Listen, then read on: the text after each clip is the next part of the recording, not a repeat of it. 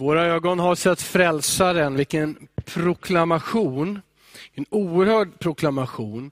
Vi ska läsa en sån text idag, för vi har kommit fram, jag predikar ju steg för steg, egentligen vers för vers ur Markus evangeliet. Kommer fram till kapitel 9.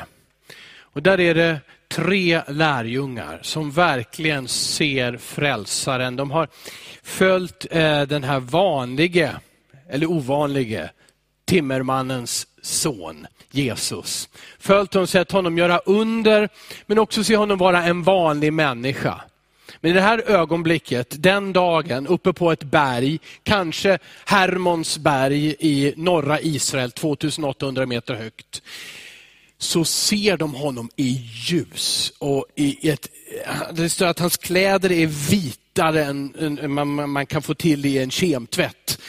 Han strålar, hans ansikte, så han strålar, Guds röst talar om att det här är min son. Och de ser gestalter, människor ur gamla testamentet. Jag ska läsa det här om en liten stund, men Jesus visade sin härlighet. Och Markus ville ha med det här i Bibeln och Lukas skrev den här berättelsen och Matteus skrev den, lite olika tillägg, lite olika perspektiv. Petrus, många, många år senare, i sitt andra brev så skriver han om det här. Det här var inga myter, det var inga utstuderade sagor, utan vi blev ögonvittnen till hans härlighet. Det här blir en predikan, ett budskap om Guds härlighet. Jesus när han visar sin härlighet. Eh, Johannes evangeliet nämner ju inte den här berättelsen, men skriver så här i sin inledning, eh, Johannes 1 och 12. Johannes 1 och 14. Och ordet, det vill säga Jesus, ordet blev kött och bodde bland oss, blev människa och bodde bland oss. Och vi såg hans härlighet. Den härlighet som den enfödde har från Fadern. Det här är vittnesbördet från alla som har skrivit med i Bibeln, apostlarna och Lukas. Att Jesus Kristus var Guds son och de fick se hans härlighet. Och så talar de om att Jesus ska komma tillbaka, då ska alla se hans härlighet. Men vad är härlighet? Vad är det för ord? När använder vi det egentligen? Det är härligt när det är sommar. Eh, men vad är härlighet? Låt mig ge en enkel definition eh, utifrån vad Bibeln säger här nu då, i det här sammanhanget. Härlighet, betydelse av härlighet, det är vem Gud är och vad han gör. Härlighet, det är en beskrivning på vem Gud är och vad han gör. Jag ska snabbt ge ett par exempel från gamla testamentet innan vi vänder oss till Markus evangeliet. Bara för att läsa om det här med härlighet. Mose, han bad om att få se Guds härlighet. Andra ord som vi också använder är ära segrarens ära, han som vinner eller hon som vinner får ära. Det är samma ord där, härlighet. Eh, I Bibeln är det ofta så också att det står för Guds närhet. Och Mose, han hade ja, fräckheten att våga be, låt mig se din härlighet. Låt mig veta vem du är.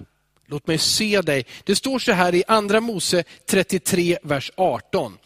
Mose sa, låt mig se din härlighet. Han svar, Gud svarade, jag ska låta all min godhet gå förbi framför dig och jag ska ropa ut namnet, Herren, inför dig. Jag ska vara nådig mot den jag vill vara nådig mot och förbarma mig över den jag vill förbarma mig över. När Gud vill visa sin härlighet, för han vill det. Gud tycker om att visa sig, det här är jag. Och när han vill visa det för Moses sin härlighet, då berättar han vad han heter. Jag är Jahve. Jag är. Och så säger han och betonar någonting som Bibeln säger om och om igen. Och jag vill ge nåd och barmhärtighet Det här är vad Gud är. Han är från början till slut. Han har alltid funnits. Vad gör han? Han ger nåd och barmhärtighet. Han visar sin härlighet. Och eh, när vi, om du har läst Moseböckerna om, om Israels folk, när Mose för dem ut ur Egypten och, och, och till Israel, till Kanans land som det hette. Och, och Mose ber att Guds härlighet ska vara ibland dem. Då visar sig Gud hur? I ett moln och i ljus, eld.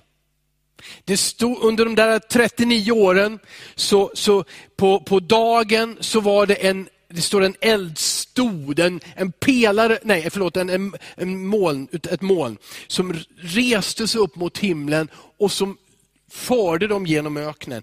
På natten då var det en eldstod som de såg brinna över det tält som de kallar tabernaklet, det tält de hade byggt bara för Herrens ära.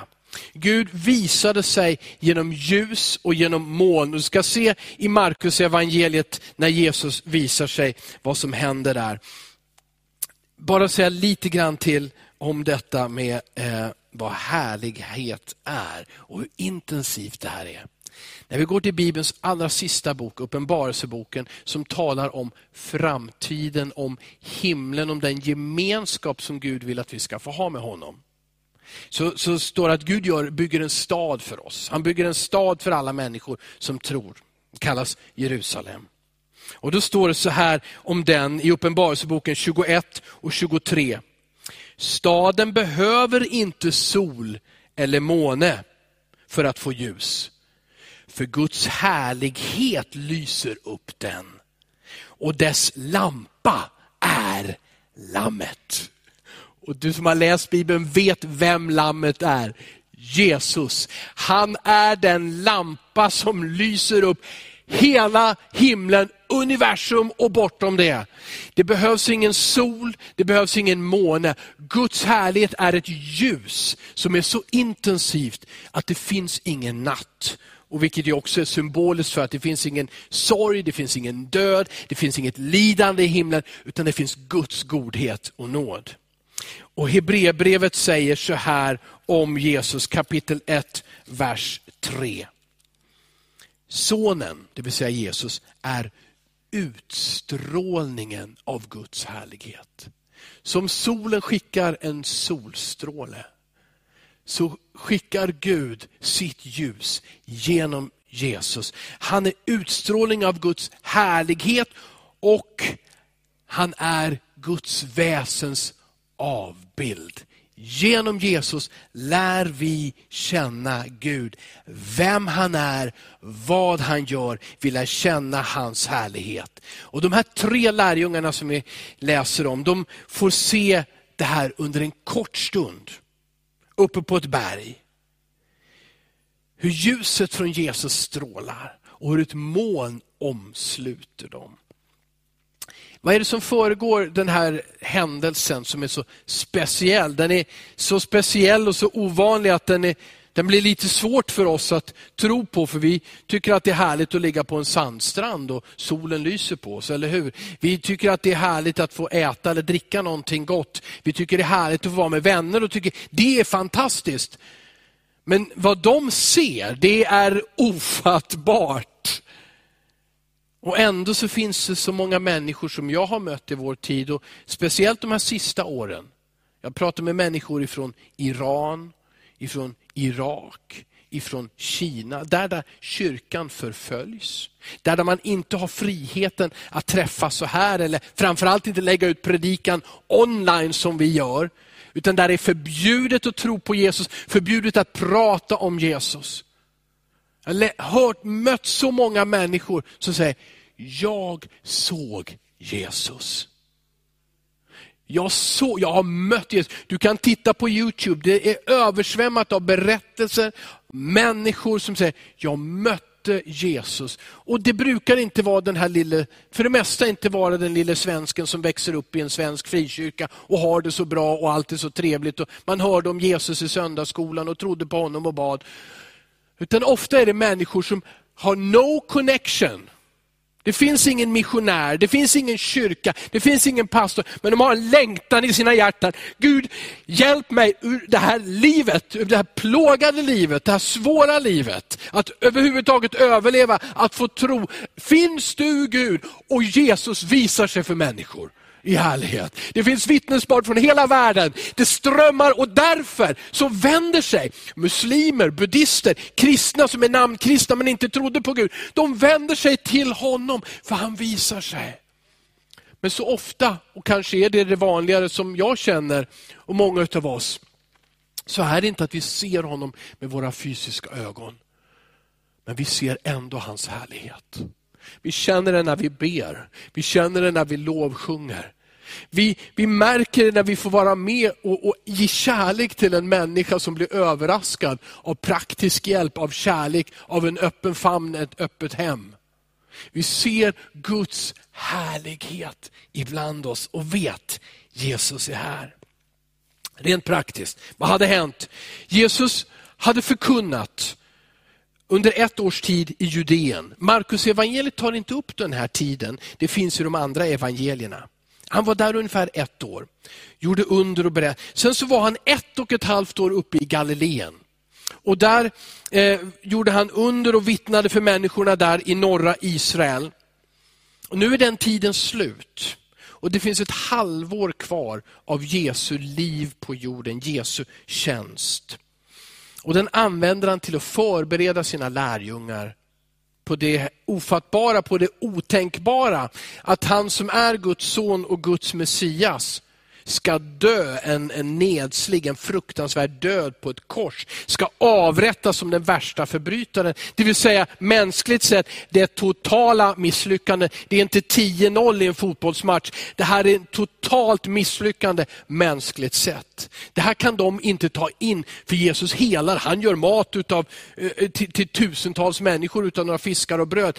Hur kan han förlora? Men Jesus vet, jag har kommit för att avsäga mig all den här härligheten. Bli en människa.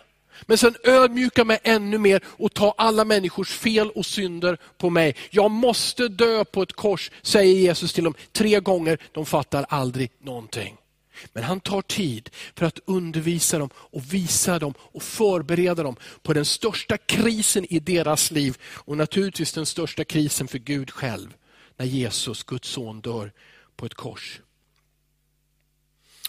Men när han börjar den här eh, perioden, de här sista halvåret, då tar han dem först norrut till Caesarea Filippi och där ställer han den viktigaste frågan som du någonsin kan få. Den viktigaste frågan ställer han till lärjungarna. Vem säger ni att jag är? Det finns ingen viktigare fråga att besvara för dig och för mig. Vem är Jesus. Och Guds hjärta handlar om att visa dig och mig vem Gud är genom Jesus. Att låta oss få se Guds härlighet, vem han är och vad han gör och den nåd som han vill ge åt alla. Och när vi nu långsamt kommer till texten som jag ville läsa, Markus eh, kapitel 9, så måste jag ändå läsa versen innan avslutningsversen eh, i kapitel 8.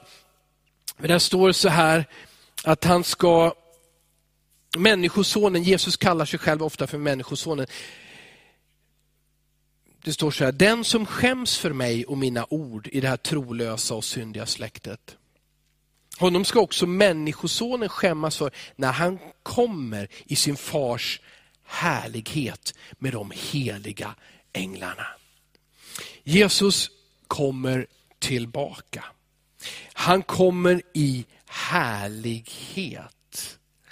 Och I det här sammanhanget så, så, så står, berättar Bibeln så här, att när Jesus kommer tillbaka, då kommer han som kung.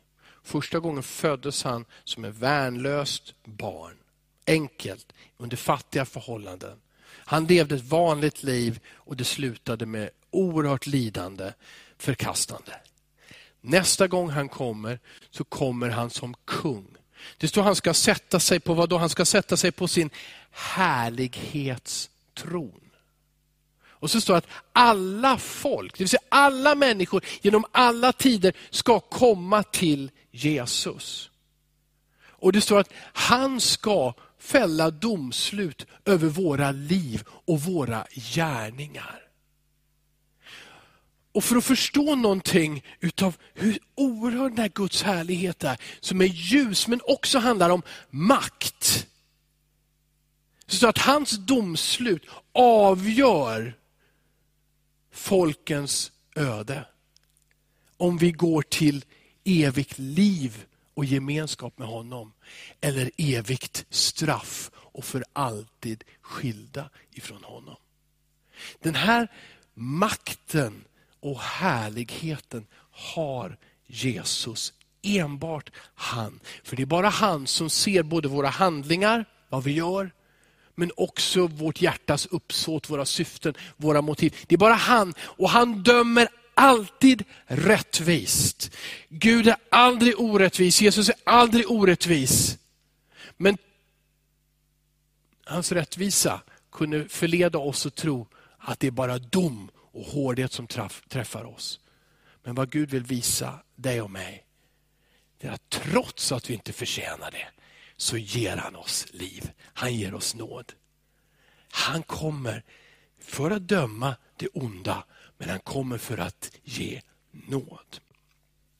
står så här, Markus 9 och 1, Jesus sa till dem, jag säger er sanningen, några av dem som står här ska inte smaka döden förrän du fått sett Guds rike komma med kraft. Eh, nu har jag precis talat om Jesu återkommelse. Bli inte förvirrad, lyssna nu. Det här, vad Jesus säger om att Guds rike ska komma med kraft, det handlar inte om nu hans andra hans återkomst. Utan det här handlar om Jesu uppståndelse, Jesu himmelsfärd och att den heliga ande kommer över alla kristna. Ni ska få se några som står här, det vill säga de lärjungarna, andra människor som hörde honom, såg honom. Så här, några utav er ska få se Guds rike komma med kraft, med härlighet. Och det är faktiskt bara sex dagar senare.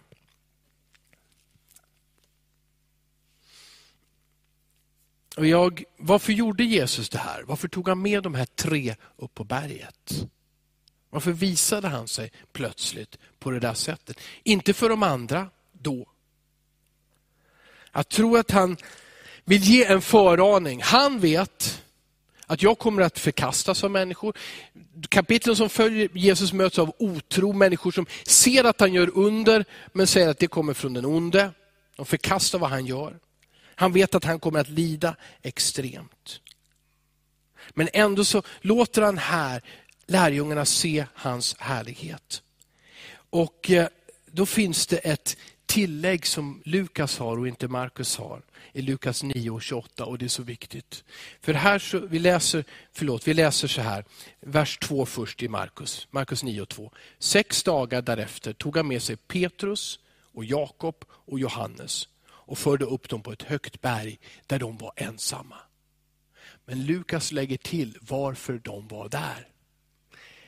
Han tog med dem för att be. Petrus, Jakob och Johannes och Jesus, de gjorde en bönevandring upp på ett berg. De gick på en bönvandring för han ville förbereda dem. Han visste, för att klara lidandet så behöver de be. Men han visste också nyckeln till att se Guds härlighet är bön. Att bedja.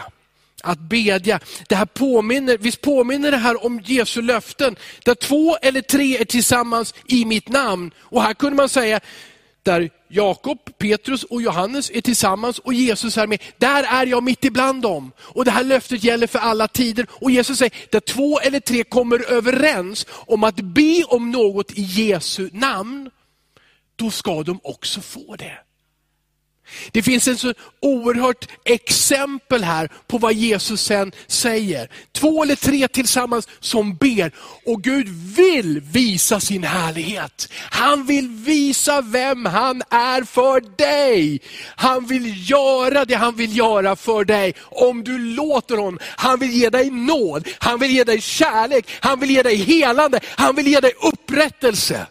Jesus kan det, för han har allting i sin hand. Han är utstrålningen av Guds härlighet. Han har kommit ifrån himlen för att ge sitt liv, för att gå i den mörkaste mörker för varje människa, för att befria oss ifrån döden.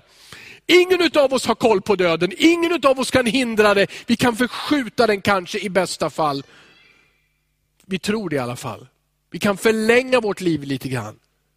Men vi dör. Vem hittar vägen? Vem hittar priset? Vem hittar möjligheten? Jesus gjorde det. Han som har skapat dig för gemenskap. Han har räddat dig från döden om du tror på honom. Han visar sig för den som ber. Ehm, det står då, om vi läser vidare, vers 2, andra delen. Han förvandlades inför deras ögon. Vers 3 säger, hans kläder blev skinande vita. Så vita som ingen tygberedare på jorden kan bleka några kläder. Och Matteus lägger till att han strålade av ljus. Inför deras ögon skedde det här. Fast Lukas, han ger en liten annan variant. Och Jag tycker den är så intressant att vi måste titta på den. För i Lukas kapitel 9 och vers 30, 28, Lukas 9 och 28, så ser vi att förvandlingen skedde ändå inte i det ögonblick som de tittade på, utan de verkar ha somnat. För det står så här, Petrus och de som var med honom sov tungt. De missade det här ögonblicket när förvandlingen skedde och Jesus bara började stråla. Men det står så här, när de vaknade såg de hans härlighet och de båda männen som stod där med honom. Och de båda, de båda männen var gamla testamentet Mose och Elia. Jag har inte tid att gå in på det. Det är intressant att det var just dem, men de representerar allt som lagen och profeterna står för, hela gamla testamentet. Och Det står i Lukas evangeliet också att vad de samtalade med Jesus om. De samtalade om hans död och uppståndelse, hans härlighet som skulle visas för den här världen. Ja, lärjungarna sover, men de väcks utav ett samtal och av ett ljus. Många av oss ber om vi, många av oss som är troende, vi ber om väckelse. Väckelse, att människor ska vakna. Att mång, det ska vara en, en andlig rörelse där många människor upptäcker Jesus, öppnar sina hjärtan för honom, omvänder sig till honom och följer honom. Den här berättelsen är en bra illustration av vad väckelse är. Man blir andligt väckt. Man var sovande men man blir andligt väckt. Man får sina inre ögon öppnade och man ser vad då? Guds härlighet i Jesus. Vem han är, vad han gör. Man ser Jesus. Och Han förvandlades i det här ögonblicket läser vi. Och Det grekiska ordet känner ni nog igen metamorfos. Metamorfos. Vi, har vi pluggat biologi någon gång så vet vi det. Att eh, det är metamorfos som, som, som sker i en larv och sen en puppa och så blir det en fjäril. En metamorfos handlar om en kroppsförvandling. Finns i grekisk mytologi, finns nu för tiden i våra superhjältar, superheroes. De förvandlas, byter kläder, byter utseende, plötsligt är de en stor robot eller en flygande grej så att säga. Det, där ordet finns. Men vad är det som händer med Jesus? Jag menar så här, han, för ett kort ögonblick så visar han vem han verkligen är. Han är människa, men han är också Guds son. Det står nämligen i Kolosserbrevet att Jesus, när han blev människa så liksom klädde han av sig all sin härlighet, den här allmakten. Den här, att han finns hela tiden överallt, precis som Gud. Han lämnade liksom det på något sätt i himlen, lade av sig de kläderna, gick ner på jorden och blev en människa. Men för ett ögonblick i den här metamorfosen så ser de honom, vem han verkligen är. Och Det är så viktigt att se att det här skedde när de var i bön och när de var i gemenskap med Jesus. Det var inte när de satt och rullade tummarna och väntade på om Gud vill så ger han någonting. Om Gud vill tala till mig så ser han, han har aldrig brytt sig om mig tidigare, vet inte varför jag ska vända mig till honom. Det är så när vi ber, Jesus säger så här, den som åkallar Herrens namn ska bli vad då? Ska bli frälst. Den som ber ska bli hörd. Jesus säger den som bultar på dörren, det vill säga på Guds dörr med bön, för honom ska dörren öppnas. Det är när de ber, när de bad, som Jesus visade sig. Detta lilla, lilla bönemöte. Vad är en kristen? Vad är en kristen som inte ber? Vad är en kristen som inte längtar efter mer av Herren. Kanske finns det ett svar där Jesus säger så här att den som har fått mycket förlåtet, den älskar också mycket. Den som har fått lite förlåtet, ja. Jesus säger inte lagom, men det är ungefär så. Den älskar lite lagom. Det här säger ju Jesus till en man som är rätt så duktig och självrättfärdig och tycker att jag ber bra, jag är en bra jude, jag fixar det här. Samtidigt så säger han det till en kvinna som är utskämd, eh, bespottad. Som ingen kan tänka att det finns något religiöst fromt och bra med den här kvinnan. Men hon, hon ger Jesus sitt hjärta när hon kommer och, och bryter en sån här flaska med en dyrbar, dyrbar balsam. Smörjer hans fötter, gråter över honom, torkar hans fötter med sitt eget hår. Och den självrättfärdige tycker, vad är det här för någonting? Jesus säger, det är ett uttryck för kärlek till mig. Ett uttryck för kärlek till Gud. Och det kommer av att hon vet att hon har blivit förlåten mycket. Kanske har vi inte sett vår egen synd. Kanske har du inte sett behovet utav nåd. Kanske har du aldrig omvänt dig trots att du har gått i en kyrka i hela ditt liv. Kan det finnas det? Oomvända kristna. Är inte det en motsägelse i sig själv? Ja, men då säger jag så här. Just den här oviljan att be. Saknaden av längtan efter mer. Borde inte den säga oss att vi måste vända hem, vi måste vända tillbaka till Gud? Att den som säger att jag är kristen, men jag, Jesus, vad ska jag ha mer av honom för? Jag har det bra som det är. Varför ska jag be? Jag, jag måste göra så mycket. Är inte det ett budskap till dig och mig som kallar oss kristna, att vi måste vända om? För det äkta kristna livet är fyllt av en passionerad längtan efter Jesus, mer av hans rike. Och inte av egoistiska skäl för mig, mig, mig, mig, utan för människor, människor, människor som dör om de dör i fattigdom, men också att de dör med ett hjärta som inte har tagit emot Guds kärlek. Jesus grät, står det. Han ropade, han bad till honom som han visste kunde ge nåd. Det här präglade Jesu liv. Det står så ofta att han bad hela natten igenom. När de andra la sig och sov, då gick han och bad. Han talade med sin fader, han ropade till sin fader. Fylld av en passion för dig och mig. Om vi inte har det i våra liv, kan vi säga att vi är hans efterföljare. Om vi inte gör utrymme och tid i våra liv för bön. Både att gå ner på knä, men i de olika situationer som vi upplever i vardagen. Skicka iväg en bön till Herren. Herre var med mig här. Jag har inte svaret här. Jo, jag kanske har ett svar, men jag vill hellre ha ditt svar Herre. Ett liv som präglas av bön, är inte det det det handlar om att vara kristen? Därför behöver alla, oavsett vilka vi är, kanske om och om igen, vända om. Vända tillbaka till honom.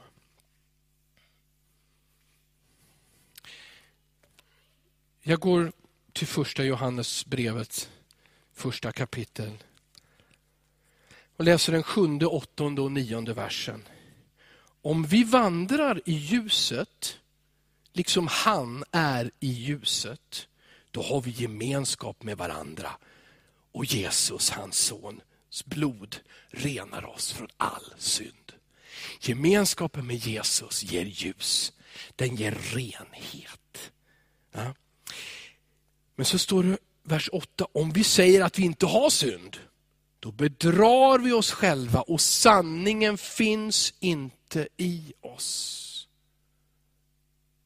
Kan det vara så att den som förnekar att det finns eller har funnits synd i mitt liv, faktiskt inte är frälst? För om du läser vers 10 så står det, om vi säger att vi inte har syndat, gör vi honom till en lögnare och hans ord finns inte i oss. Om hans ord inte finns i våra hjärtan, i våra liv, kan vi då säga att vi är frälsta? Men så säger han så här, vers 9, om vi bekänner våra synder, är han trofast och rättfärdig, så att han förlåter oss våra synder och renar oss från all orättfärdighet. Vi har så ofta med oss att vi tror att om jag berättar vad jag har gjort fel, då får jag smörj, då får jag stryk. Då vet alla vad jag är. Men Guds reaktion är på den ärliga människa som säger, det här är jag Herre. Jag är inte bättre än så här då är han trofast. Då är han god. Då säger han inte åt gå och tvätta händerna så kan du äta maten. Men då gör han dig ren i djupet av ditt liv. Allting, allting som du skämdes för, allting som på något sätt skilde dig ifrån Gud som är ljus, tas bort och du kan ha en äkta gemenskap med Gud.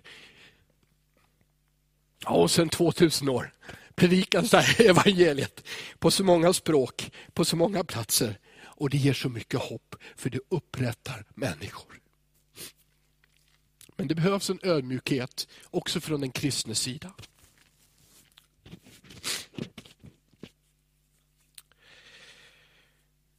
Jag skulle kunna berätta om mitt eget liv här, men jag vet att jag talar länge och jag vill inte tappa bort någon enda utav er.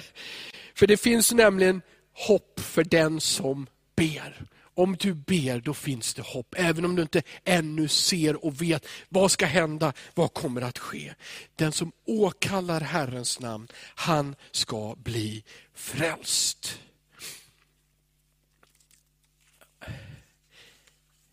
Förlåt mig att jag tittar lite grann här. För nu måste jag göra ett jättehopp över en massa fina saker som jag ville säga. Men det kan jag inte säga utav tid. Jag får återkomma en annan predikan om det där. Låt mig säga så här, för jag har varit lite tuff nu då. Jag kan inte berätta allting, men när, när de vaknar, Petrus, Johannes, då reagerar de som jag gör. När jag inte vet vad jag ska säga, då pratar jag mycket. Och Petrus han bara, oh, det, här, det här är starkt Jesus. Oh, Mose och Elia och ljus. Oh, det här är häftigt. Du, jag kan bygga tält, eller jag kan bygga hyddor åt oss alla, så kan vi stanna här för all framtid. Det här är liksom, men, men Jesus har bestämt sig, nu ska jag verkligen visa mig för de här grabbarna. Det spelar ingen roll att de är så vilsna och snackar för mycket. De plötsligt så sänker sig då Guds härlighetsmoln över det här berget och så kommer det en röst. Det här är min älskade son. Lyssna på honom. Det är så mycket nåd i den här berättelsen. De här grabbarna var så vana att somna. Ni vet, de skulle somna en gång till. Och de somnar alltid på bönemöten. Det viktigaste mötet i varenda kristen grupp eller kyrka. Är det någon annan som har somnat någon gång på ett bönemöte? Det gjorde till och med Petrus, Jakob och Johannes och de upprepade det här. Så när Jesus tog med dem till Getsemane och han skulle dö på korset sa be med mig, det är så jobbigt det här. Men det var lite för sent på kvällen så grabbarna somnade. Så jag kunde inte vara vaken en enda timme.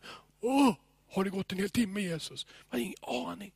Men vilket uttryck det, det här är för Guds nåd. Han tar dig och mig han älskar oss och för oss in i gemenskap med honom. Och så ger jag bara avslutningsversen här på den här predikan. Eh, så att ingen stänger av apparaten eller någon annan går hem. Vers 8. Plötsligt när de såg sig omkring såg de inte längre något där utom Jesus. Jag tycker det är så häftigt. Det hade varit ljus och moln och Mose och Elia, men nu försvann det. Men vad är det de ser? Bara Jesus. Vi väntar ibland, tycker att vi väntar för länge. Vi är sjuka och blir inte friska. Vi ber om ett arbete och hittar inte arbete. Vi ber för vår familj om samma saker, för vänner. Det tar tid. Vi hör vad Jesus säger och andra säger att Jesus kommer tillbaka och ser vad som händer i världen. Men kommer han tillbaka? När, när, när ska han komma? Kommer han idag, imorgon? När kommer han? Måste det bli mycket värre innan han kommer? När, när, när ska han hjälpa till? Ibland är det det egna beroendet av, av alkohol. Ja, men jag vill ju sluta dricka, men det går inte. Jag har bett till Gud, hjälp mig Gud. Men det går inte. Därför ska jag avsluta med vad Paulus skriver till Filipperna. Jag är övertygad om, skriver han, att Gud ska fullborda det han har påbörjat. Jag ska fullborda det han har påbörjat. Har han lagt i dig en längtan efter frid, då kommer han ge dig frid. Har han gett, lagt i dig en längtan efter frihet och befrielse, då kommer han att ge dig det. Har han lagt i dig en längtan att bedja om helande, ett meningsfullt liv, ett bra arbete. Han kommer att ge dig, han kommer att välsigna. Det han påbörjar i dig, det kommer han att vara. Och det står i det här, just det här, Paulus skriver så här, jag är övertygad om att han kommer att fullborda det ända till Kristi dag. Det vill säga den dag Jesus kommer tillbaka. Han kommer tillbaka. Men genom bönen och genom att vandra med honom så kommer du att få mod och kraft att aldrig ge upp. Och Nu läser jag en älsklingsvers. Hebreerbrevet 11 och nej, 10 och 39. Men vi tillhör inte de som drar sig undan och går förlorade, utan de som tror och vinner sina själar. Låt oss hålla fast vid Jesu löften. Låt oss vara en församling som möts i bön i kyrkor, i hem, på berg, genom vandringar på olika platser. Låt oss be och söka hans härlighet. Och han vill visa sig och han vill ge oss nåd. Gud välsigna dig. Tack Fader. Jag ber om det i det här ögonblicket på det sättet som du vill och bestämmer. Visa oss din härlighet. Här många sitter ensamma. Många har inte varit utanför hemmet, framförallt inte i en kyrka eller på en arbetsplats eller där många människor är på många månader. Herre, din härlighet innebär gemenskap. Kom nu till varje människa som längtar efter dig. Herre, vi kan ofta känna att vi inte gör det vi ska. Därför vill jag säga, Herre, vi vänder tillbaka till dig, vänder om till dig för att vara med dig, lyssna till dig. Herre, tack för att du visade dig då för de här männen. Och tack för att du visar dig för män och kvinnor som öppnar sina hjärtan och ropar efter dig idag. Tack för det Herre. I Jesu namn. Amen.